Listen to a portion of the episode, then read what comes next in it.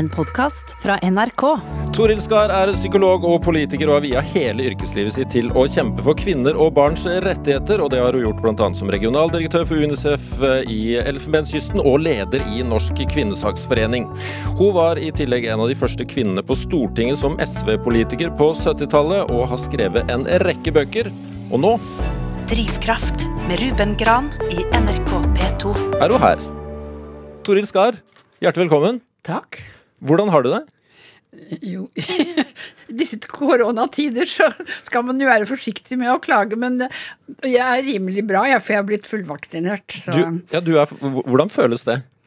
ja, det er beroligende. Ikke fordi at så mye for meg, for jeg ser jo ingen uansett, holdt jeg på å si, men, men slekta mi blir ikke så redde for å besøke meg.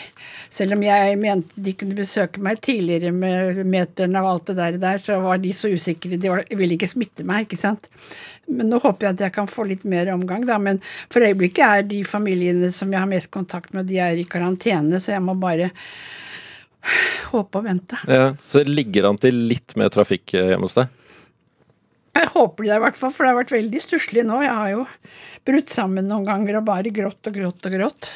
Men så har jeg skjønt at da måtte jeg be om hjelp, og det har jeg fått. Ja, det har vært tungt. Ja, ja, ja, ja, ja, ja, ja. Hva slags hjelp eh, har du fått? Ja, Dels har jeg vært veldig heldig fordi jeg har gått til en personlig trener og en massør. Og de kjenner meg jo personlig, og det har kunnet, bortsett fra to uker så har det kunnet fortsette under koronatida. Men det var jeg da de, jeg ikke hadde dem heller, da, at jeg brøt sammen.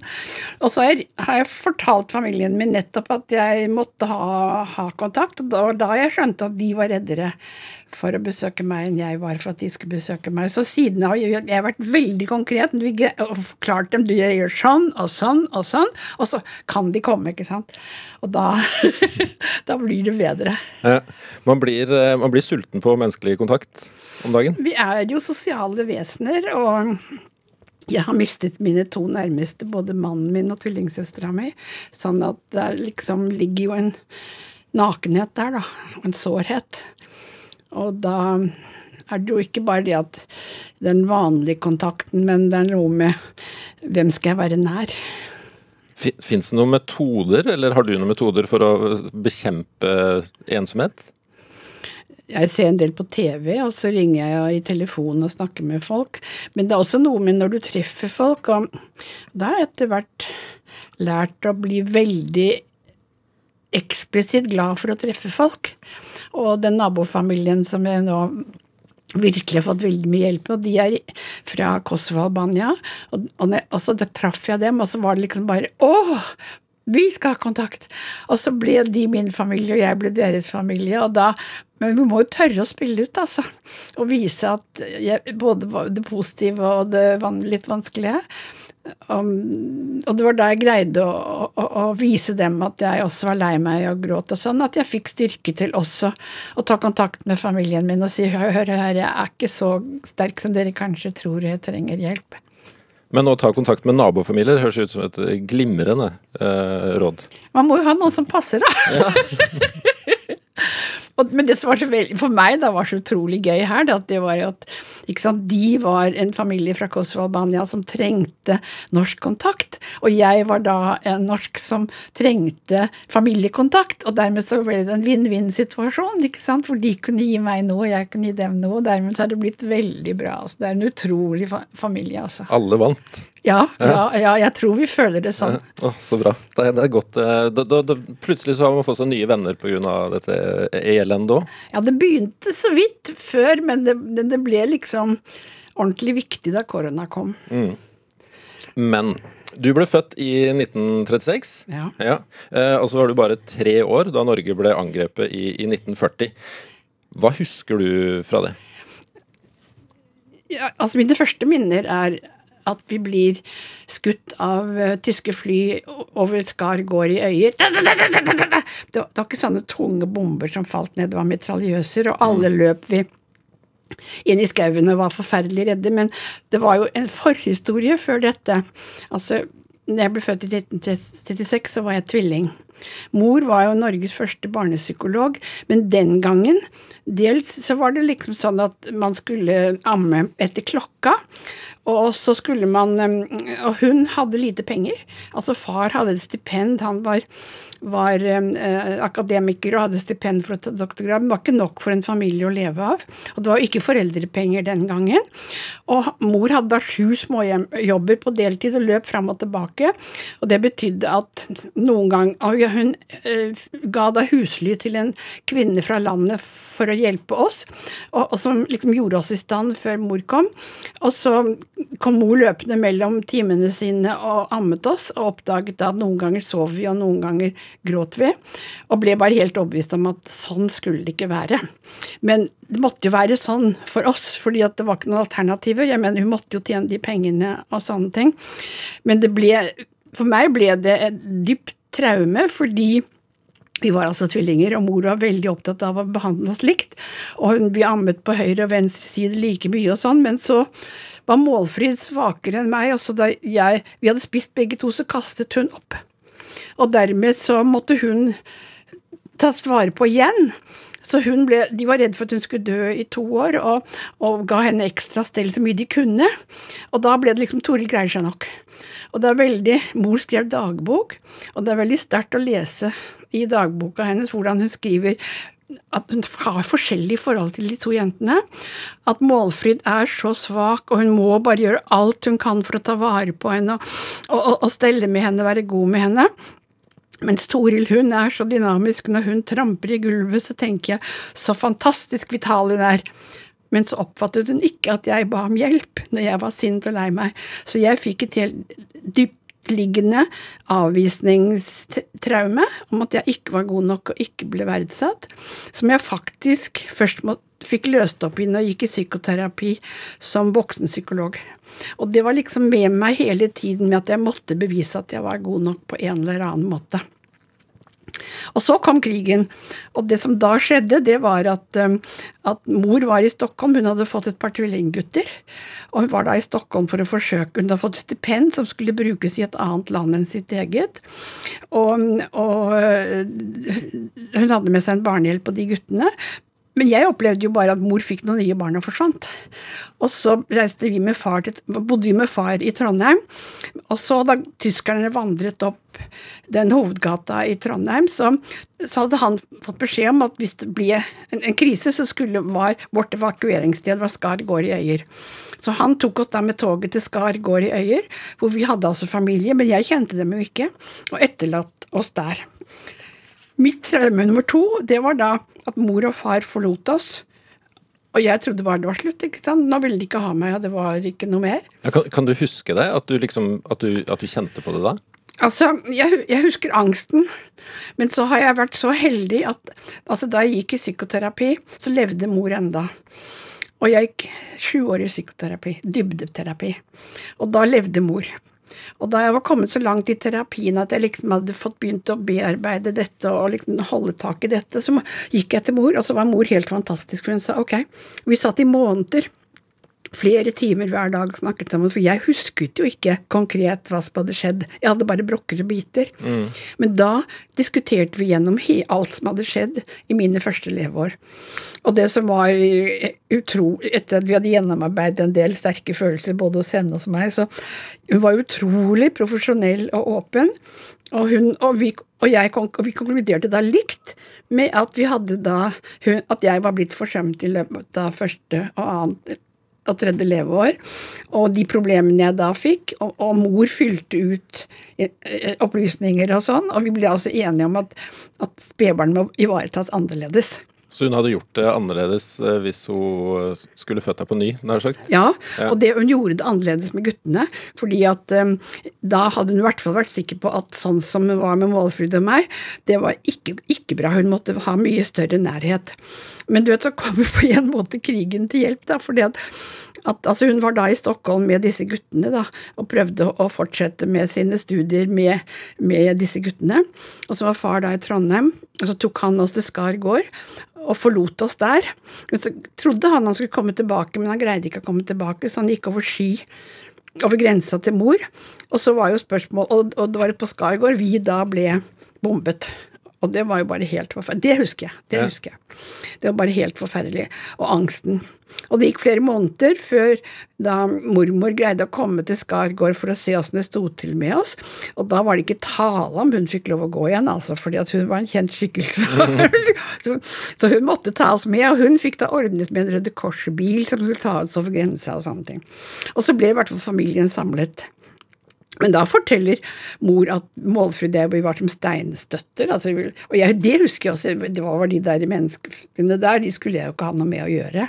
Og de ville gi meg mat, jeg ville ikke ha mat. Og, og det gikk mange år før um, mor måtte kunne forlate et rom uten at jeg sa 'ikke gå, ikke gå, ikke gå', fordi at um, jeg hadde jo mistet begge to, ikke sant. Og jeg var ikke sikker jeg hadde trodd de ikke ville ha meg mer, ikke sant. Målfrid var ikke så redd, fordi at hun var mye trygg, hun var tryggere. Hva, kom det, hva kommer det av, tror du? Nei, for hun blitt, var blitt stelt bedre og har fått mye mer oppmerksomhet og omsorg i første og annet leveår. Og dette slåss jeg for den dag i dag, at vi skal gi første spedbarna våre og ettåringene og toåringene mye bedre omsorg av mor og far, særlig mor, men også far, enn vi gjør i dag. Jeg har skrevet artikler om det ganske nylig. Den ordningen vi har er ikke bra nok. De skal ikke begynne i barnehage før de er tre år. Og så skal de før de er tre år, skal de ha mor og far. Og særlig mor, men også far, som nærmeste kontakt og støtter. Det er viktig for veksten, det er viktig for psykologien, det er viktig for hjernen, det er viktig for tryggheten. Og, og det var der Målfrid hadde en mye bedre grunnlag enn meg, så hun tenkte hele tiden ja, ja, dette var jo leit, men det går nok bra. Mens jeg følte bare at det var alt ferdig og alt slutt, ikke sant. Sånn at vi har snakket sammen som voksne om hvordan vi opplevde dette veldig forskjellig, og, og også ut fra det vi har snakket med mor, så har vi blitt enige om den forklaringen som jeg nå gir, da. Ja. Sånn for at um, Så du har støtte fra de andre i det du sier? ja, det, ikke sant? Det, det er jo noe med De første årene så husker jo ikke barn så veldig mye. Også, Og det vi husket, det var bare brokker og biter. Og nå, men vi var åp- av psykolog. Hun var Norges første barneombud etter hvert. Og mor var jo psykolog, ikke sant. Og, og, og utrolig kloke og profesjonelle kvinner. Og jeg lærte så godt jeg kan. Og, og det at vi da kunne hjelpe hverandre til å forstå dette, har jo vært en stor gave. altså en stor gave. Og det har gitt meg mye mer trygghet enn jeg hadde. Og så fikk jeg altså gått i en egen dybdeterapi som hjalp meg. Dere ble jo samla etter, etter noen måneder eh, og dro på en rimelig lang reise sammen. Altså Dere flykta nærmest verden, eh, verden rundt til Ja, USA, eh, og så via til Russland med transsibirske jernbanen, og så båt i Yokohama, så skip over Stillehavet, og så bodde dere i Washington DC. Hvor, hvor mye husker du fra den turen? Og ja, der husker jeg ganske mye. Altså, var- hvor, hvor lang tur snakker vi da? Altså, det var jo flere, over mange uker. Fordi at det som skjedde, var at um, vi var altså samlet da i, i, i Sverige, mor og far og, og, og, og vi fire ungene. Og så var det spørsmål hva gjør vi nå? Altså Morfar var jo utenriksminister Halvdan Koht, og han hadde flyktet med regjeringen. Og, og vi var jo veldig redde for å gå tilbake. Da var liksom slagordet etter at altså Da våpenhan- våpenhandlingene sluttet, så var slagordet at nå skulle nordmenn reise tilbake fra Sverige, som hadde flyktet til Sverige, til Norge. Men mor og far, nei, ikke tale om, de hadde ikke, ikke trygghet til det. Så de måtte finne da noe annet. De var redd for at vi skulle tatt som gisler for morfar, eller sånn som de, morfar skulle jo over til London med regjeringen og sånne ting. Så det endte med at de fikk låne penger, og så fløy vi da med fly til fra Moskva til, til Nei, fra, fra Stockholm til Moskva, og så var den transsibirske jernbanen, det var elleve døgn. Eh, Det var helt altså Det var eh, kjempetøft. Vi lå på sånne harde køyer, og mor og far hadde med seg en del sånne tørrmat og sånn som vi spiste. Men, men vi ble jo, jeg ble jo matforgiftet og kastet opp, og, og de visste at et barn tidligere hadde dødd på veien med den jernbanen, så de var jo veldig forsiktige. Og, og på hver stasjon så måtte far løpe ut og, og, og hente varmt vann i kraner på stasjonen. Og jeg var jo livredd hver gang for at han ikke skulle nå toget. Og en gang så begynte toget å gå før han var ferdig, og han løp og, og viftet med armene, og vannet skvatt. Men han kom med, altså. Eller de andre traumatiske opplevelsene jeg hadde, det var at det var fire jenter i nabolugaren, og de var, de var russiske jenter som kom fra Moskva uten foreldrene sine, og den eldste var tolv år. Og så gikk de ut midt i, i, i Sibir for å lete etter foreldrene sine. Og du vet, jeg visste hva det ville si å miste foreldrene, så det var bare Helt forferdelig. Du, da, da var du fortsatt tre år på det Ja. der? Ja. Ja. Også, men, også, så, men på samtidig så Jeg husker en gang jeg ble intervjuet om hva var verst under krigen, og så var det hun sa at det med ved jernbanen, det må ha vært helt forferdelig. Nei, det var ikke helt forferdelig, det var ganske tøft, men mor og far var der hele tiden, 24 timer i døgnet, de kunne ikke gå fra meg hvis ikke far da bare Han måtte bare rekke toget, men det gjorde han. Så jeg mener, det verste for meg, det var å bli skilt fra mor og far, og så bli bombet på Skargård Gjever. Og så kom vi da til, til Vladivostok, og der venta vi en stund til vi fikk en båt. Og så den båten over til Yokohama. Og så ble vi en stund i Yokohama fordi at, at vi turde bare ta en norsk båt videre, for krigen var kommet såpass langt. Og så fikk vi en norsk båt da gjennom Panamakanalen til New York. Og så bodde dere, Hvor lenge bodde dere i Washington DC? Vi bodde i fem år. I fem år. Hvor, hvordan var det å komme tilbake til Norge etter de åra? Jeg må først si at altså det som var Jeg var flyktningbarn sammen med mine foreldre i Washington DC i fem år. Altså, morfar, han jo han han ble jo veldig mye kritisert for 9. april og sånne ting, så han gikk av som utenriksminister og kom til oss. Og da hadde For det første hadde han en pensjon, så vi kunne få leid et hus, faktisk. Og så var det jo helt veldig viktig. Han han, nettopp fordi at han var så kritisert, så ville ikke ambassaden bruke han verken til taler for Norge eller til Norges Radio eller noe som helst, så han var hjemme. Så han ble jo mitt ankerfeste. Altså mor og far, de reiste jo rundt veldig mye fordi at de skulle jo slåss for Norges sak, og de skulle få Amerika til å støtte de allierte under krigen. Det var jo ikke gitt, det.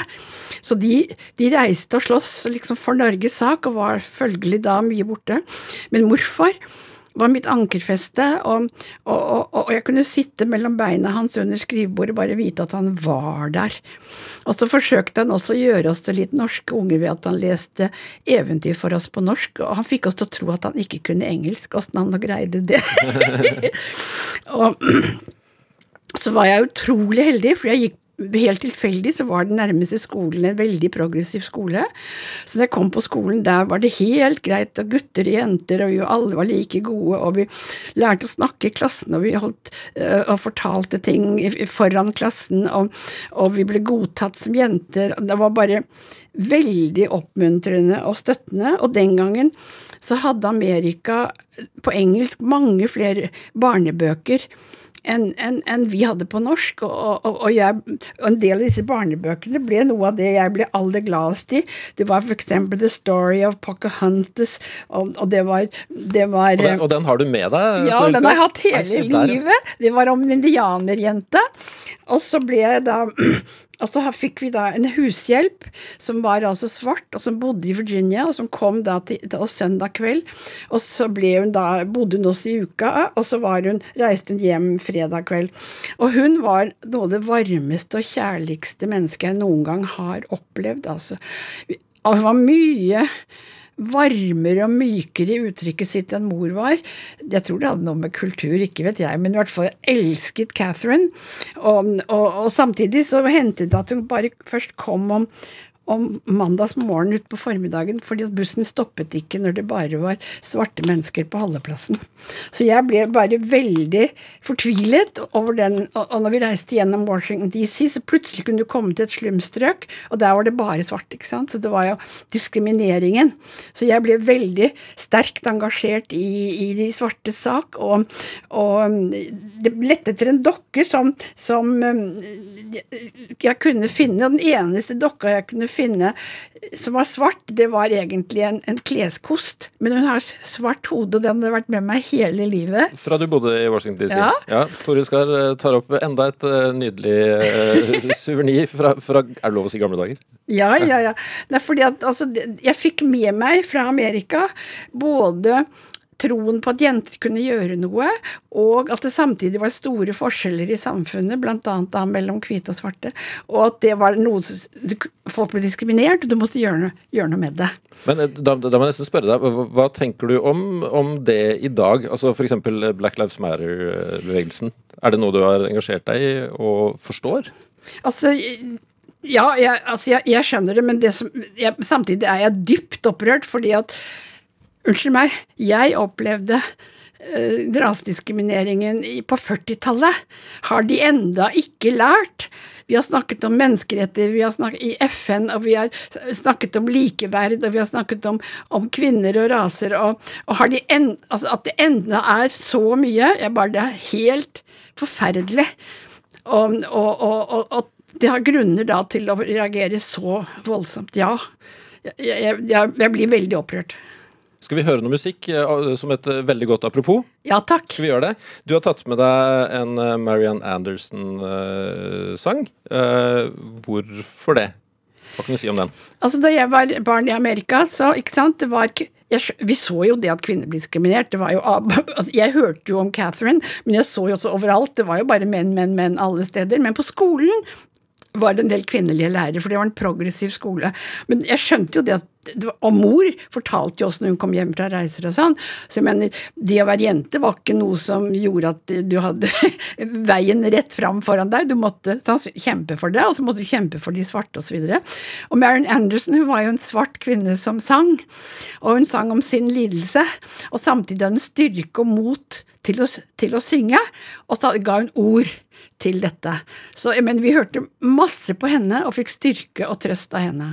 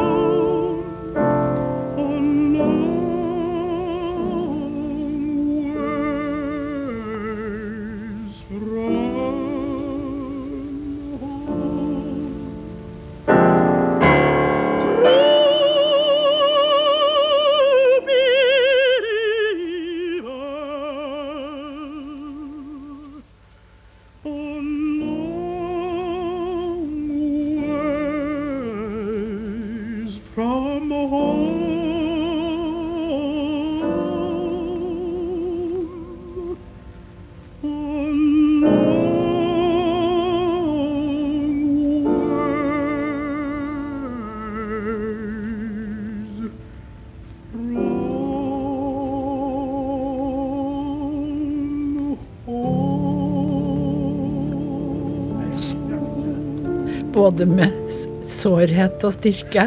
Sterke saker i Drivkraft på P2 nå. Det ble, det ble litt tårevått både her og der når du eh, som hører på Drivkraft fikk Marian Anderson og 'Sometimes I Feel Like a Motherless Child'. Og den hører du fordi jeg har besøk av Toril Skar, eh, SV-pioner, psykolog, kvinnesakskjemper og med viktig arbeid i både UNICEF og FN på den ekstremt lange CV-en sin. Hva, hva Jeg vet ikke, Det er kanskje litt drøyt å spørre, men hva føler du når du hører dette her? For jeg, Det har vært mye følelser i studio her, såpass kan vi avsløre. Nei, altså jeg har hatt med meg en sårbarhet helt fra begynnelsen av av livet, fordi jeg opplevde ikke å bli tatt godt nok vare på i første og annet leveår. Men så jeg, fikk jeg hjelp også, og kom fra en familie som hadde mye styrke, så jeg har hele tiden hatt både sårbarhet og styrke. Og hun som kvinne, og som svart, som med sin sårbarhet, hun gir så fantastisk et uttrykk for både sårbarheten og styrken, og så er det liksom Og framfor alt så står hun jo fram og synger det og gir ord til det. Og det Å, ja, ja, ja. Ja, og gjør det med en kraft av dimensjoner, for å si det sånn. Eh, prøv å riste det av oss litt, eller vi kan ta det med oss for all del. Men apropos styrke og, og sårbarhet. Da du, du var i, bodde i Washington DC i flere år som barn, kom tilbake til Norge, begynte på skolen, og der innbiller jeg meg at du kjente på både sårbarhet og styrke. Det var, et, um, var jo veldig dramatisk å komme hjem. Vi kjente jo ingen hjemme og, hadde vokst opp i USA. Og så var det bolignød og sånn, så vi flyttet inn sammen med mormor og morfar. Og det, det ble jo en veldig sterk opplevelse på mange måter. Vi bodde da på Lysaker i Bærum, og jeg gikk, vi gikk da, ble sendt da på Lysaker folkeskole, og det var en, en, en ikke spesielt progressiv, ganske alminnelig konservativ folkeskole. Og da vi kom, jeg glemmer aldri da vi kom første dagen i klassen, så ser læreren på og sier han Å, det er ikke plass på jenterekkene, for det her sto, var det pulter, sånne ikke sånn bunne, stol og bord bundet sammen av treverk og greier i, i rekker. Her er det ikke plass på jenterekkene, hva skal vi gjøre? Det var liksom velkomsten. Og så var det et flere styr da, med å flytte disse tungvinte pultene. Vi hadde jo vært i en progressiv skole i Amerika hvor vi hadde stol, små stoler og bord og flytta rundt hele tiden hadde grupper og gruppearbeid og gjorde forskjellige ting, individuell skole og alt mulig, og her var det bare stivt og, og, og, og stivbeint, og, og de satt på rekker og hørte på denne læreren. Og så ble det en forferdelig situasjon. altså Jeg ble jo mobbet fra begynnelse til slutt. Jeg mener, Morfar var feil fordi han hadde liksom ikke gjort det han skulle i 1940, sa de. Mor var feil fordi hun var yrkeskvinne. Jeg var feil fordi jeg snakket gærent engelsk. Jeg skulle snakket britisk engelsk, ikke amerikansk engelsk. Jeg var feil fordi jeg snakket en blanding av bokmål og nynorsk. Jeg var feil fordi jeg ville ta ordet i klassen. Jeg var feil fordi jeg var aktiv og flink som jente. Og det var særlig en gruppe gutter som satt foran i klassen, som de kunne snu seg rundt meg og si he-he-he, og så peke og så si at liksom Nei, ikke du tro at du er du, du er en jente, vet du, sånn. Og, og det var jo bare helt forferdelig. Og så var læreren Lærerne var jo bare menn, og de var helt hjelpeløse. Mor snakket med læreren, og han sa ja, men jeg kan ikke gjøre noe spesielt for å støtte henne, for da blir det bare verre. Da tar de igjen i frikvarteret. De prøvde at jeg skulle bytte en klasse, og de prøvde forskjellige ting, men altså det var, det var et mareritt. Og så mistet jeg målfritt, for mor fant ut at Vi hadde jo likevel alltid vært to, men mor fant ut at de skulle bli selvstendige, og da var det ikke parallellklasser på Lysaker som Målfrid ble sendt på JAR. Og det tror jeg var veldig bra for Målfrid. Altså hun eh, fikk en mye bedre skole, og det var bedre lærere der, det var et mer sosialt sammensatt miljø. Så hun, jeg tror det var veldig bra for henne, og jeg tror nok også jeg var litt dominerende i forhold til henne en del ganger, sånn at det var bedre for henne å ikke bli sammenlignet med meg hele tiden. Jeg var også sju centimeter høyere, det var veldig synbart den gangen. Men, men, på det tidspunktet, reflekterte du over likestilling da? Det som skjedde, det var at Altså, altså jeg mistet i hvert fall min eneste, eneste støtte, og, og, og, kom jo hjem og var bare helt fortvilet. Og mor uh, støttet meg, men mor var også forferdelig travel. Hun, hun, ble gitt en jobb på Universitetet i Oslo hvor skulle, Norge skulle bygges opp etter krigen, ikke sant, så det var jo veldig mange ting som liksom skulle gjøres. Og hun både skulle bygge opp psykologistudium ved universitetet, og så skulle hun være med i all verdens slags komiteer og greier, fordi det var nesten ingen kvinner som hadde utdanning og bakgrunn til å være med i ting og forsvare barns interesser og sånn. Så, men hun var veldig stressa, og far var veldig stressa. Men det som ble min redning på mange måter, da det var mormor, fordi at hun var jo veldig gammel, og hun var også ganske sjuk, så hun lå veldig mye oppi senga si, men hun var alltid der. Og så kunne jeg gå opp til henne, og så holdt hun meg i hånda, så kunne jeg gråte og være lei meg, og så fortalte hun Dette var nemlig en familie hvor hun var jeg var tredje generasjon kvinnesakskvinne. Mormor Karen Grude hadde vært bondejente på Jæren, og hadde vært den første bondejenta fra Jæren som hadde reist til Oslo for å ta artium, og hun hadde vært med og, slåss for stemmeretten og for um, hadde vært med i Norske kvinners nasjonalråd, og hadde også da gitt sin datter Åse, da, Åse Gruda Skar, mora mi, eh, utdanning, sånn at de hadde jobbet sammen også med å skrive bøker og greier, og mor hadde også blitt kvinnesakskvinne og vært med i Kvinnesaksforeningen og skrev om kvinnesak tredje akt og sånne ting.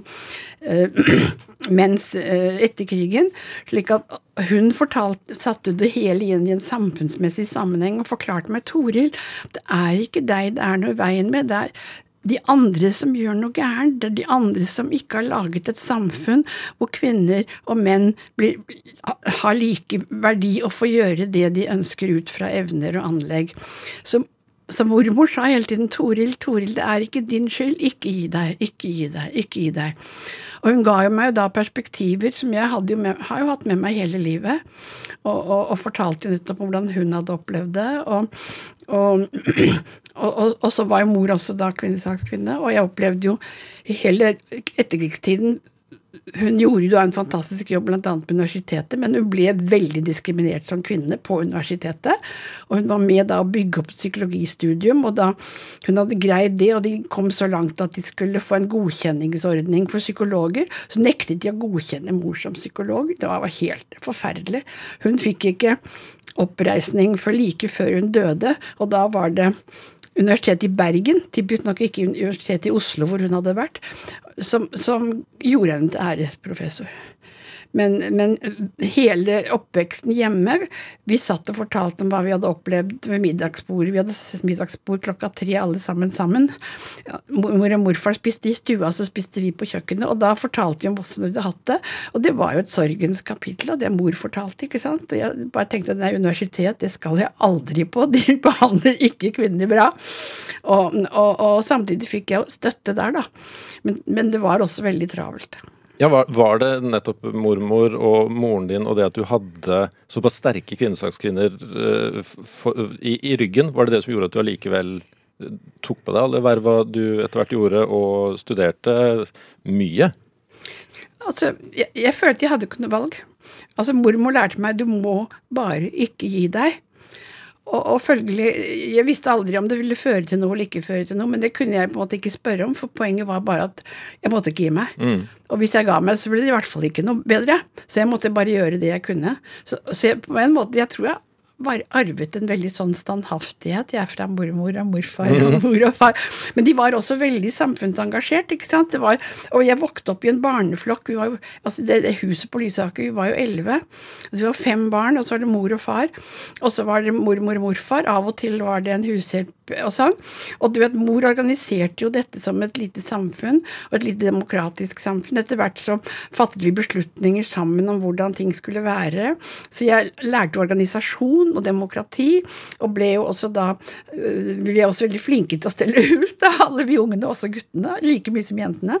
Slik at jeg hadde jo med meg også redskaper i holdninger og i, i, ferdigheter, som jo ble veldig viktige når det gjaldt å prøve å gjøre et eller annet for å forbedre samfunnet. Og, og, og mor så jo, da det ble så vanskelig på skolen, så, greide, så foreslo hun skulle begynne i Speideren. Det var jentespeidere, og det var helt fantastisk, for der var det kvinner som hjalp jenter, og jentene hjalp hverandre, og vi lærte å bli ledere i Speideren. Så det var en utrolig støtte, altså. Mm. Eh, og så, altså dette her som du sier om organisasjon og demokrati, at du fikk ta del i det hjemme. På 70-tallet så, så, var du valgt inn for SV på, på Stortinget. Het, eller het det Sosialistisk Folkeparti fortsatt da? Altså, det, det ble, altså, altså, jeg var på Stortinget i to runder, jeg. Ja. Først ble jeg valgt som vararepresentant for Finn Gustavsen på SV i 1965. Altså, til stor forbauselse altså, altså, jeg var med i Sosialistisk Studentlag. Altså, jeg gikk til Kvinnesaksforeningen og spurte da jeg begynte å studere, hva skal jeg gjøre? Og så sa de eh, nå er det, det er så motvind mot kvinnesak, og, men vi tror vi greier å ordne noe av det juridiske, men vi, må, vi får ikke det til å bli praktisk virkelighet hvis ikke noen går ut og er med i politikken og former virkeligheten, så du må gå inn i politikken, sa de til meg. Og så gikk jeg inn i politikken, da ble jeg med i Sosialistisk Studentlag, og vi var da radikale og gikk mot Nato og ville ha fred, og, og vi ville ha samfunnsstyring, og, og, og var og I den tida var jo Arbeiderpartiet ledet jo landet, men samtidig var det jo veldig uenighet om forhold til Nato og sånne ting. da, og De nektet jo debatt og greier og greier, og det endte jo med at de ekskluderte hele studentlaget. Og da ble altså jeg ekskludert. Jeg var da leder av studentlaget akkurat da. Og så var det noen av de sterkeste mannfolka av de uavhengige på venstresida som foreslo at vi skulle lage et nytt parti, og så laget vi Sosialistisk Folkeparti. Det var store overraskelse. Fikk vi to inn første gang i 1961. Det var da Finn Gustavsen og Asbjørn Holm. Og så, da de, da de skulle Og de gjorde en utrolig tapper jobb. Og da ble jeg kjent med dem fordi at jeg drev og studerte, og, men jeg måtte tjene penger for å, å, å, studere og ha jobb ved siden av. Fordi at, eh, at mor og far hadde ikke, ikke, nok penger å gi meg, og samtidig fikk jeg ikke lån fordi mor og far tjente for mye. Så jeg måtte jobbe hele tiden sammen med studiene. Og da ble jeg sekretær på deltid på den lille stortingsgruppa. Så da ble Asbjørn og Finn kjent med meg. Og så gjorde Finn det helt utrolige at da han skulle gjenvelges i 1965, så satte han som betingelse at jeg skulle være hans vara. Det ble jo ramaskrik. 'Hæ? Ei jente, er du gæren?' Liksom. Hæ? Hæ? Men han sa nei, jeg stiller ikke hvis jeg ikke får det til. Og hans begrunnelse, som jeg ikke visste sånn, sånn Han hadde jo sett hva jeg hadde gjort, da. Men han hadde også den situasjonen at det var så slitsomt å være der uten en vara som kunne møte, for den vara han hadde før, kunne ikke møte. At han av helsemessige grunner måtte ha en som kunne avlaste han. Det visste ikke jeg. Men, men så ble jeg valgt, da. Men, og, og, så tok jo han en del fri, for han hadde helseproblemer, og da møtte jeg 100 ganger. Jeg hadde innlegg og, og, Eller var det 100 innlegg jeg holdt? jeg husker ikke ordentlig. Hva var, det, hva var, det, du brente mest for i, i den perioden der? Ja, da måtte jeg bare ta alle saker som kom. Ja, det var ikke noe spørsmål om det. Nei. Men da var det jo bare det at man var en jente. Og jeg var den yngste kvinnen som møtte på Stortinget. Det var jo bare, det var jo bare ramaskrik i seg selv.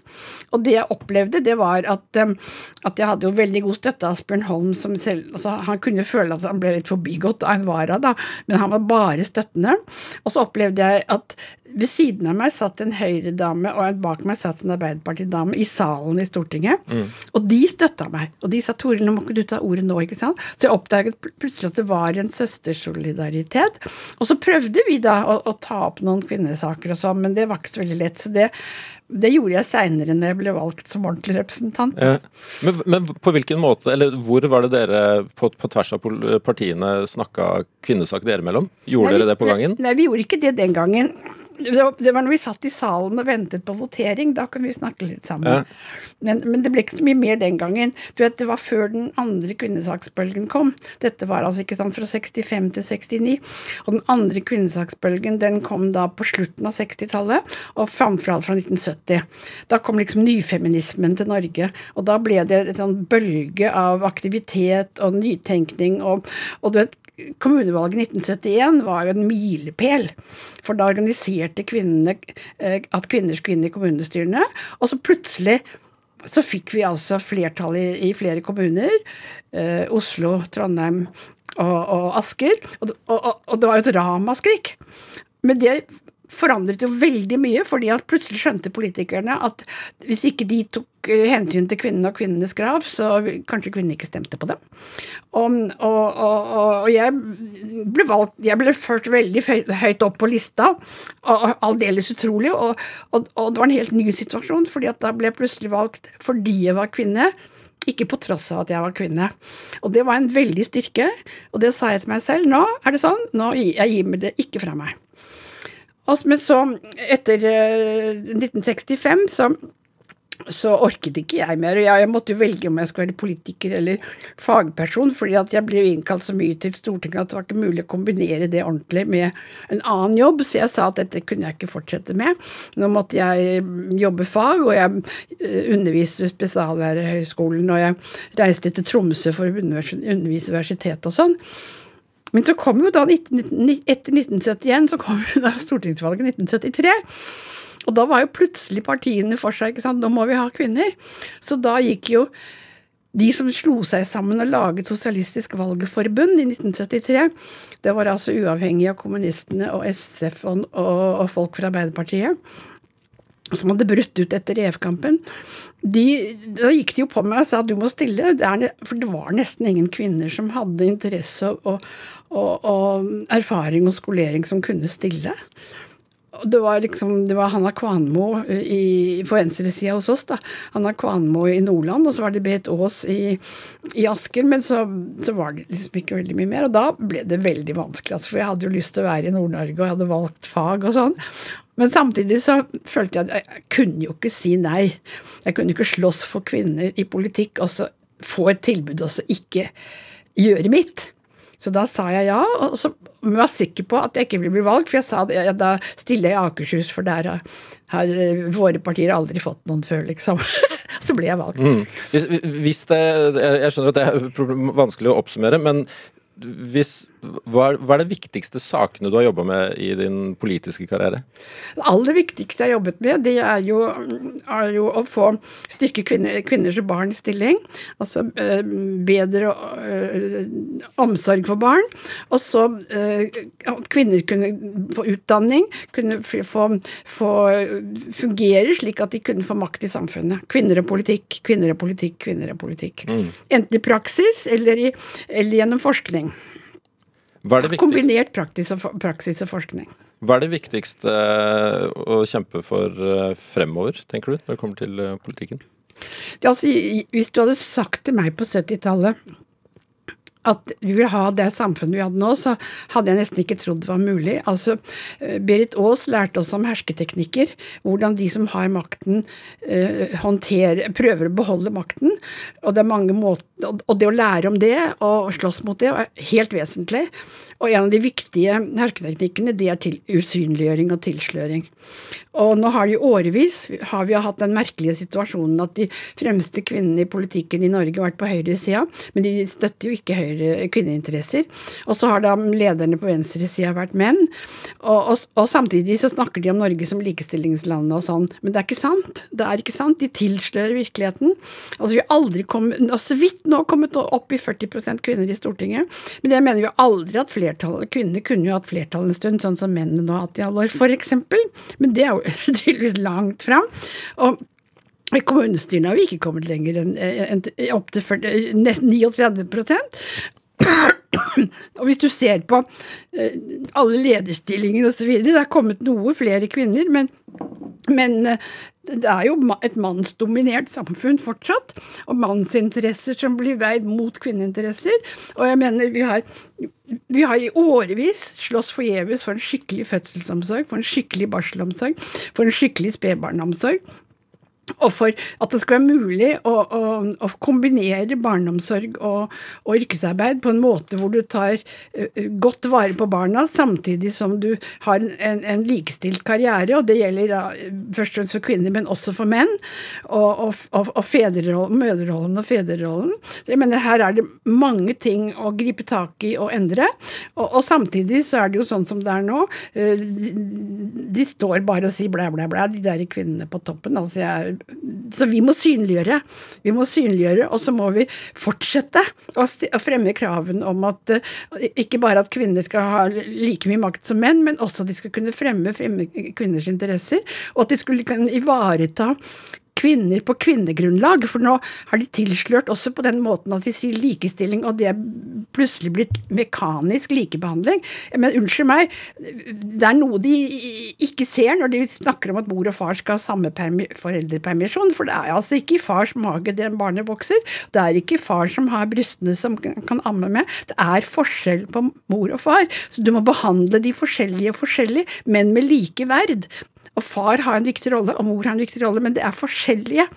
Og når de da, plutselig gjør likestilling til mekanisk like, likebehandling, så blir det helt feil. Det blir feil for barna, det blir feil for kvinnene, og det blir feil også for mennene. Så det er en, virkelig en jobb å gjøre i bevisstgjøring, i, i, i, i synliggjøring og, og, og, og i konkrete fremgang for kvinner. Du hører Drivkraft i NRK P2. Og min gjest her i dag, det er Toril Skar, som har masse drivkraft eh, både for kvinner og barn. Og du sitter jo med en fryktelig flott eh, T-skjorte på deg, Toril. Ja. FN. FN. FN.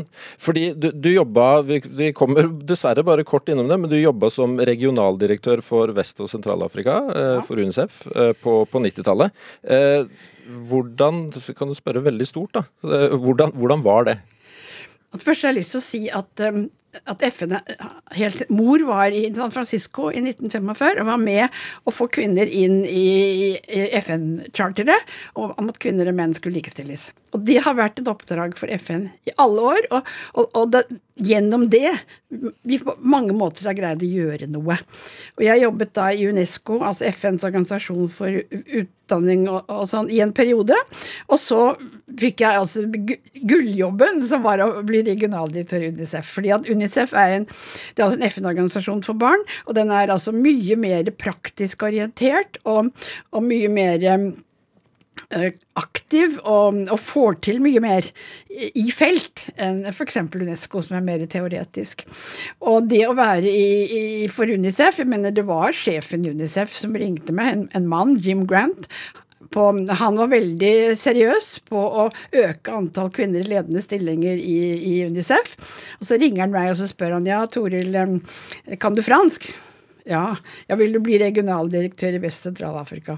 Jeg hadde altså hatt et år i Frankrike som ung jente, og det var et veldig grunnleggende år. En ting var at jeg lærte fransk som var veldig nyttig etterpå, men jeg lærte også å se eh, klasseforskjeller og, og ble sosialist i de årene, fordi jeg kunne se hvor, hvor stor forskjell det var på, på um, de ulike samfunnsklassene. Og det tok jeg med meg videre i livet. Og, til, og så hadde jeg oppdaget at eh, Vest-Afrika var helt spesielt, fordi at her hadde kvinnene nemlig tradisjonelt en helt annen stilling enn vi var vant til. Altså jeg traff, Første gang jeg hadde med UNESCO å gjøre, som var på 80-tallet, traff jeg folk fra Vest-Afrika, og de ga meg en statue av Mami Yoko, som var da kvinnelig høvding i Vest-Afrika. Og den stat, lille statuen har jeg hatt med meg alle år etterpå, for det forteller at kvinner kan ha andre roller og ha lederoppgaver helt annerledes enn vi kan forestille oss. Og, og det å komme til Vest-Afrika, det var et eventyr. Jeg mener, Der hadde jo kolonimaktene gjort sitt beste. De kom jo med mannsdominert eh, eh, okkup, nesten okkupasjon, og, og, og, svekket jo veldig mye det de kunne av kvinnens stilling, men veldig mye var likevel igjen i de tradisjonelle miljøene, og hvor kvinnene da både har vært høvdinger og hatt politiske roller. De er også mødre på en helt annen måte enn- de har med seg ungene på jobben, og jobben er laget for at både kvinner og menn kan ta seg av ungene på jobben. Og, og, og de jobber da med Unicef for å, å, å bedre vilkårene for kvinner og barn. Og jeg var da på et kontor som hadde overoppsynet med, med eh, 24 land, og reiste rundt. Det var Unicef-kontor i alle landene. Og det å få lov til da å bidra til å styrke kvinnene F.eks. det ble økonomiske problemer i Vest-Afrika. og da skulle det plutselig bli slik at, at, at statene greide ikke å, å, å gi så mye penger til helsevesenet, så da måtte de liksom mobilisere mer penger på lokalt plan. Og da diskuterte dette, så skulle de få mer lokalt styre da over helsevesenet. Og da var det så deilig å være en kvinnelig regionaldirektør som sa Og hva med kvinnene, da? Og det var det ingen som hadde tenkt på. Og så fikk vi ordninger altså hvor kvinnene kom inn, for de var der. De hadde organisert seg, de hadde ferdigheten. Og så ble helsestasjonene mye bedre i forhold til kvinner og barn. Det var de som brukte helsestasjonene mest, særlig når barna var små. Og, og, og, og det kom mange flere kvinner dit, og vi fikk alle så at det ble et bedre helsestell når kvinnene kom med. Så jeg må si at altså de årene, det var de, mest lærerike årene jeg har hatt, de mest inspirerende årene jeg har hatt, samtidig som det var jo veldig tøffe tak, fordi at Vest-Afrika og Afrika hadde store økonomiske problemer, og, og de fikk jo ikke den støtten de skulle ha eh, fra vestlige land osv. Så, videre. så det var veldig mye å gjøre, men det betydde jo også at, man, at, at det betydde noe at noen var der og prøvde å gjøre noe. Ja, hva, hva var det du sier lærdom? Hva var det viktigste du lærte, lærte der? Jeg lærte for at første at, at du kan få til noe hvis du satser. Og så at det går an å ha andre roller for kvinner og menn enn vi var vant til. Og at det går an å ha kulturer som støtter kvinner og barn på en helt annen måte enn vi var vant til. Jeg kom hjem og skrev en bok om mødrenes kontinent. Og den, for å for, formidle disse erfaringene. Og den ble oversatt til engelsk og fransk og tysk og nederlandsk. Og, ja, Men samtidig sånn som her i landet. Du vet, vi er så lukket på en måte. Og så er vi så arrogante. Liksom, vi tror alltid vi har det beste. Og, og veldig lite åpenhet når det gjelder å lære f.eks. fra afrikanere, f.eks. fra innflyttere, f.eks. fra folk av andre kulturer enn vår, som kan ha med seg ting som, som, vi da ikke er åpne for å lære av. Og det burde vi jo bli. Fordi at det er øh, Ja, jeg følte meg veldig beriket og, og styrket. Og, og jeg gikk av for aldersgrense, da, så da var det ikke noe å gjøre med det. Men, men, men, jeg tror det er den mest rikeste perioden jeg har hatt i livet, altså. Men apropos Unicef. For noen år siden så solgte du huset ditt og kunsten din, eh, og ga pengene eh, til Unicef. Hva, eller hvor, hvorfor gjorde du det? Altså, Unicef er den organisasjonen jeg har sett som har vært mest praktisk orientert og dyktig i forhold til å hjelpe barn. Og jeg ga dem ikke bare til Unicef sånn uten videre. Jeg snakket veldig nøye med Unicef, og så snakket jeg med regionalkontoret der jeg hadde jobbet før, og så ble vi enige om å gi pengene til jenters utdanning i Guinea-Bissau. Fordi at altså, Vest-Afrika de kan lite om Vest-Afrika i Norge i forhold til Øst-Afrika. og Vest-Afrika er veldig spesielt fordi det har vært så mange kolonimakter der. Det har vært både briter og franskmenn og portugisere og spanjoler. Og det følgelig er det nasjonale språket de forskjellige landene forskjellig. Og, og, og, så er det jo også tradisjonene noe forskjellige. Og sånn som det er i dag, så, så kan de fransktalende få litt ekstra hjelp fra Frankrike, og de engelsktalende kan få litt ekstra hjelp fra England. Men Guinea-Bissau er da fra Portugal, og det er ikke så greit. Altså. Sånn at, at, vi ble enige om at vi skulle gi de pengene til jenters utdanning eh, i Guinea-Bissau, fordi der var det spesielt behov for det, og det syns jeg ga veldig god mening. Det er ikke vanskelig å høre at du eh, fortsatt eh, har engasjementet i, i orden, Toril Skar. Men hva, engasjerer du deg mest i nå om dagen? Hva er det som gjør at det bruser eh, ekstra mye? Ja, jeg jobber for å få kvinner i politikk, og øh, var aktiv og forsøkte å bidra til det under kommunevalgkampen. Og jeg vet ikke hva som nå skjer under stortingsvalgkampen, men det er veldig vesentlig at, at kvinner kommer med i politikk, og at kvinnespørsmål står på dagsorden. Så jeg hadde skrevet bl.a. i avisen i forbindelse med 8. mars for å bringe en del ting på dagsorden. Og den, men den saka jeg brenner mest for aller mest nå, det er jo omsorgen for de minste barna. For jeg er så redd Vi har fått ny forskning, nemlig som ikke hadde hadde før, av hjerneforskning som forteller hvordan barnets hjerne utvikler seg, særlig i første og annet leveår, og hvordan den utviklingen er, er, skjer i en symbiose med mor, og, og, den nære kontakten med mor som gjør at barnets hjerne vokser utrolig fort, men mors hjerne forandrer seg også, og den kroppslige nærheten, det er, det er ikke bare snakk om amming, det er snakk om kroppslig nærhet med, med, med, hvor alle sanser tas i bruk, og, og, og hvis ikke den eh, er god nok, så, så vokser vokser altså ikke barnet godt nok, og da kan det få med seg skader som det er veldig vanskelig å reparere seinere i livet. Slik at jeg mener vi må få en helt annen omsorg for de minste barna. Og, det, og vi har prøvd da å få Vi har fått disse fagfolkene til Norge, men de som da bestemmer, har ikke villet høre på dem. Og, og veldig mye av problemet er å bryte gjennom og få kunnskap og debatt. Mor sa alltid 'kunnskap om barn', 'kunnskap om barn'. Det er for dårlig kunnskap om barn. Og så vil de ikke da ta hensyn til barna først, fordi at det er barnets behov som teller. Og, og nå har vi altså barnehage fra ettårsalderen. Vi skal ikke ha det, vi skal ha barnehage sånn som barnehager er da vanligvis, da. Fra treårsalderen.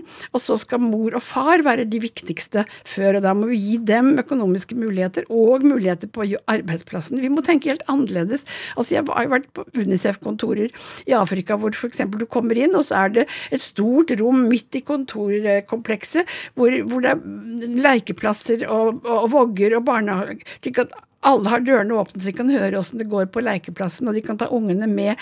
Og, og, og de kan også hjemmekontor. Det en helt annen unger er en rikdom og ikke en byrde. Og, og, og, og, både menn og kvinner tar sin del i det, også kvinnene, uten at de blir diskriminert seinere for det. Men da må du ha holdningen til det, du må ha åpenheten til det, du må ha sjenerøsiteten til det, og det må myndighetene gå i forkant med. At, og, det er der vi, vi slåss for det hele tatt å bli hørt, faktisk. Og, få en diskusjon om det og ta dette på alvor. Jeg er bekymret for småbarna våre, jeg. Ja. Mm. Ja, det, det, det, bringer meg til et uh, stort uh, spørsmål igjen. Uh, hva vil du si er essensen av drivkraften din? Hva er liksom kjernen av din drivkraft? Ja, det er jo menneskeverdet. Og at det skal være likt for, for, for kvinner og menn. Og, men på sitt eget grunnlag. Altså de skal ha like, like verdi, like, makt, like status, makt og ressurser. Men, men, kvinner på kvinners grunnlag og menn på menns grunnlag. Men de skal være sammen da med å bestemme hvordan fellesskapet skal være. Og at det å, å gi kvinner merverd, status, verdi og ressurser, og få da et samfunn som er mer åpent for det kvinner bærer med seg av omsorgserfaringer og omsorgsholdninger, og være åpen for det istedenfor bare å lukke igjen for det og mene at det er noe negativt. Og så har menn ting de bringer med av, i forhold til visse typer aktivitet og sånne ting, men, men de må altså de må bruke styrken i, i, i begge grupper, og, og, og, og, lage et samfunn som da kan, kan dra nytte av begge grupper på sitt grunnlag. Toril Skar, jeg er redd at vi straks er ved, ved veis ende. Når kommer memoarene dine? det vet jeg ikke, men jeg driver på. Du driver på? Og jeg håper at det kan bidra til å åpne opp, så det blir mer kunnskap og perspektiver eh, om hva, hva, problemene vi har med å verdsette kvinner likt med menn. Toril Skar, igjen, tusen takk for praten. Det har vært en glede å ha deg her. Du hører flere Drivkraft-samtaler du i NRK-appen eller der du laster ned podkastene dine. Og så kan du kikke, klikke og like på Instagram hvis du vil. Der heter vi NRK Drivkraft. Og send oss veldig gjerne ris, ros og tips om mennesker med drivkraft til drivkraftalfakrøll.nrk.no. Produsent og klippe for denne sendingen har vært Julia Martincic. Jeg har vært Ruben Gran. Ha det godt. Vi hørs. Du har hørt en podkast fra NRK. Hør flere podkaster og din NRK-kanal i appen NRK Radio.